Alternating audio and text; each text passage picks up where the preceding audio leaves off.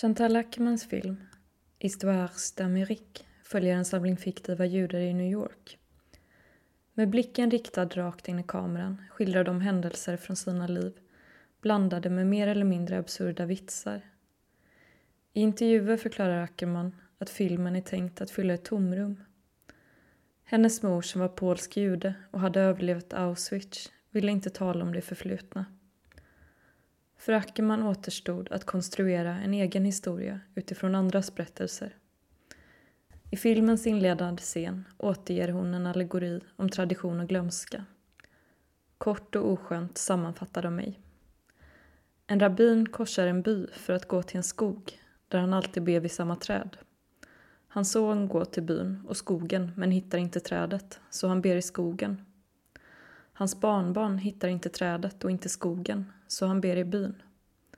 Hans barnbarnsbarn hittar inte trädet, inte skogen och inte heller byn, men han kan bönen, så han ber den i sitt hem. Hans barnbarnsbarns barn hittar inte trädet, inte skogen, inte byn och han minns inte bönen. Men han känner till historien och han berättar den för sina barn. Och samtliga blir de hörda av Gud. Jag kommer att tänka på filmen och på allegorin när jag läser Channa Riedels debutbok Karlsbad som ställer samma typ av frågor om minne och historia. Där Ackerman använder sig av den kollektiva erfarenheten och collaget väljer Riedel att förhålla sig nästan enbart till den egna familjen. Men liksom Ackerman finner hon olika former för att återge historien. Barnramsor, centrallyrik, listor, intervjuer med en faster, skämt berättade av fadern, ritualer från högtidsmåltidens seder, studieresor till det som förr var Karlsbad, arkivmaterial och ett ordrikt uppradande av fakta. Citat. Historien ska vara något man hoppar i eller hoppar från. Det ska plumsa eller skvätta. Det är mycket viktigt. Slutcitat. Lyder ett par rader som står ensamma på en sida och därmed ges en viss tyngd. Vad betyder de? Jag är osäker. Enklare att förstå är då diktjagets ifrågasättande av det som nyss har berättats. Genom de i olika varianter återkommande raderna. Citat. Det där har du väl också bara hört? Och du vet väl hur det är med att höra? Slutcitat. Ironin består såklart i att inget annat återstår för den som kommer ett par generationer efter. Tidens gång ger det traderade minnet drag av overklighet. Staden Karlsbad heter numera Karlovy Vary, ligger i norra Tjeckien vid gränsen mot Tyskland och var fram tills 1918 del av Österrike-Ungern. Trots att majoriteten av befolkningen var tysktalande kom staden efter första världskriget att tillhöra det nybildade Tjeckoslovakien. Stora delar av befolkningen protesterade och vid Münchenöverenskommelsen 1938 skänktes staden bort till Tyskland tillsammans med resten av Sudetlandet i syfte att bevara freden. Efter andra världskrigets slut tvångsförflyttades de tysktalande invånarna och ersattes med tjecker. Channa Riedels farfar var sudettysk men engagerad i vänsterrörelsen. Hennes farmor var judinna. Tillsammans med sina två små barn begav de sig från Karlsbad till Sverige 1938. De klassas som emigranter och inte som flyktingar varför de senare inte kan få tillbaka den egendom de har förlorat. Han är arkitekt, hon barnläkare och de börjar arbeta i Sverige men övervakas noga av kollegor, hyresvärdar och arbetsgivare. En nazistisk bekant till farfadern skickar gåtfullt familjens bohag till Stockholm. Det är anpassat för en stor centraleuropeisk våning men i Sverige har familjen två rum och kök. Fasten berättar i bokens sista dikt om de skrymmande möblerna. Citat. Det fanns inget kvar av rummet att bo i. Slutcitat. Ett mycket opraktiskt bord med tillhörande stolar hamnar sedermera i diktjagets förråd. Jaget söker saker och berättelser att bevara. På ett ställe i boken beklagar hon sig över de som inte talar alls och de som talar för mycket. Citat. Vet du skillnaden mellan den babblande och den tigande? Den som inte minns. Vet du bådas erinran, lika vilseledande. Slutcitat. Det är nog sant. Ändå är det de nio dikter som utgår från fastens ordrika monologer som ger Karlsbad kontur och bär dess berättelse framåt. Riedel fångar talspråkets rytm fint med sina radbrott.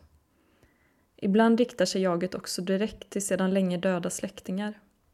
En av dem är farmorsmorden, vars tre barn hann fly undan nazismen men som själv dog i Birkenau. I en dikt vänder sig jaget till henne och ber henne verifiera de historier hon har hört.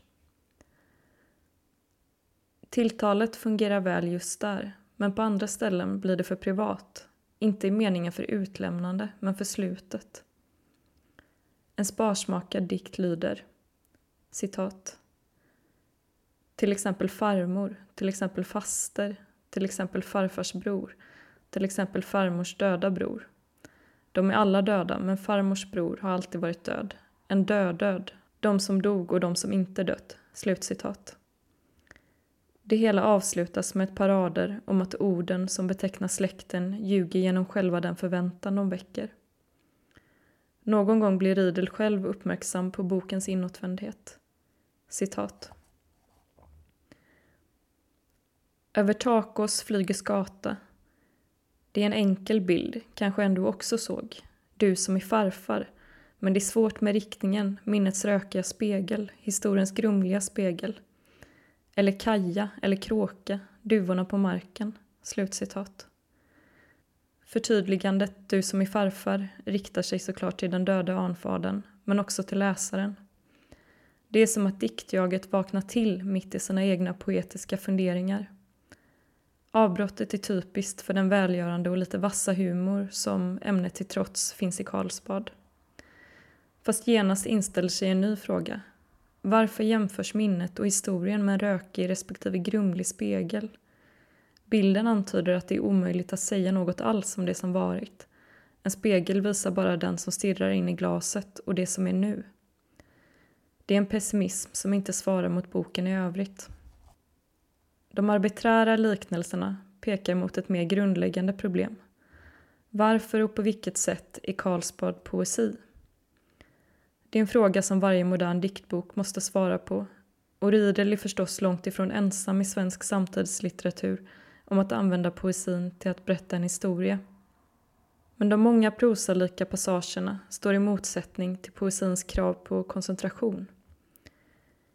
Är det dikt om ett ord lika gärna skulle kunna ersättas med ett annat?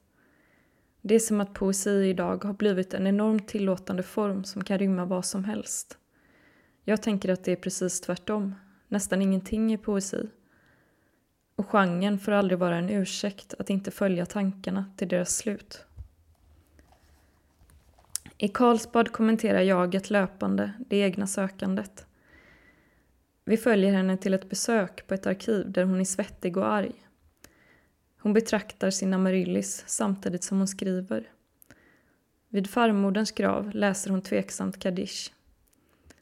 En syster dyker upp och vill korrigera fakta om arvegodset. Citat. Min syster säger att broschen inte alls är rosa. Den är guldfärgad och formad som en rosett, säger hon. Slutcitat. Jag hade önskat samma typ av reflektioner över den form som valts. Fast kanske säger Riedel något genom den ändå. Bokens ständiga växlande av stil drar uppmärksamheten till berättandet som sådant. Faderns många skämt blir till ett undvikande eller en gestaltad tystnad. I stora block med stel och knagglig prosa dränks läsaren i information. Diktjaget prövar sig fram bland ting och officiella dokument. Till detta kommer sedens fyra eller fem frågande barn som jaget åberopar gång på gång. Under måltiden tilldelas de yngsta i familjen olika roller som till exempel det elaka barnet. Utifrån barnens frågor berättas sedan om det judiska folkets uttåg ur Egypten.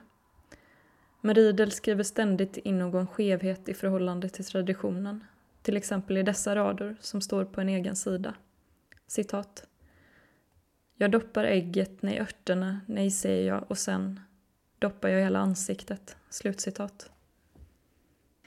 I ett av styckena som liknar prosa berättas att sonen till två svenska nazister i vars villa det hittats ett register över judar i Sverige med efternamn mellan K och Z, har skrivit en bok om sin mor med titeln Gunvors liv, mamma, hemmafru, entusiast.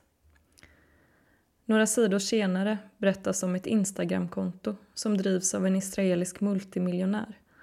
Han har engagerat 400 filmarbetare och skådespelare för att gestalta den verkliga ungersk-judiska flickan Eva Heymans liv under devisen What if a girl in the Holocaust had Instagram? Det första exemplet visar på vikten av att inte vara tyst. Andra människor kommer att fortsätta tala. Det andra exemplet pekar ut den varsamhet som ämnet kräver och som Riedel själv besitter utan att det verkar begränsa henne.